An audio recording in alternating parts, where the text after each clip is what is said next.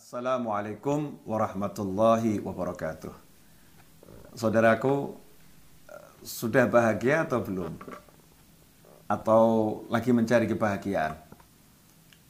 Kita ini memang aneh. Seringkali merasa belum bahagia. Seringkali merasa dalam susah. Kenapa?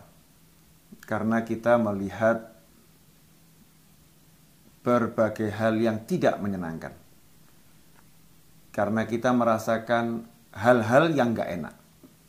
Maka kita menganggap saya belum bahagia.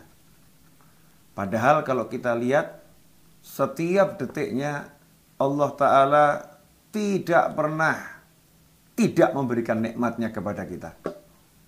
Setiap detik ada nikmat dari Allah Subhanahu wa taala yang harus kita syukuri. Nah, karena kita lupa mensyukuri nikmat tersebut, maka imbasnya kita merasakan hal-hal yang gak menyenangkan, merasakan hal-hal yang gak enak.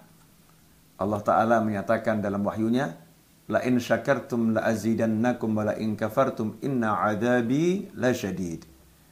Jikalau kalian bersyukur, pasti aku akan tambah nikmatku kepada kalian. Jika kalian kufur, ingat, siksaku teramat pedih.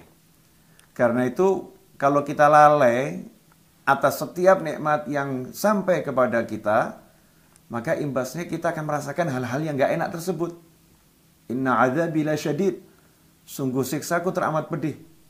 Karena itu bahagia itu mudah, bahagia itu gak jauh, bahagia itu udah bersama kita.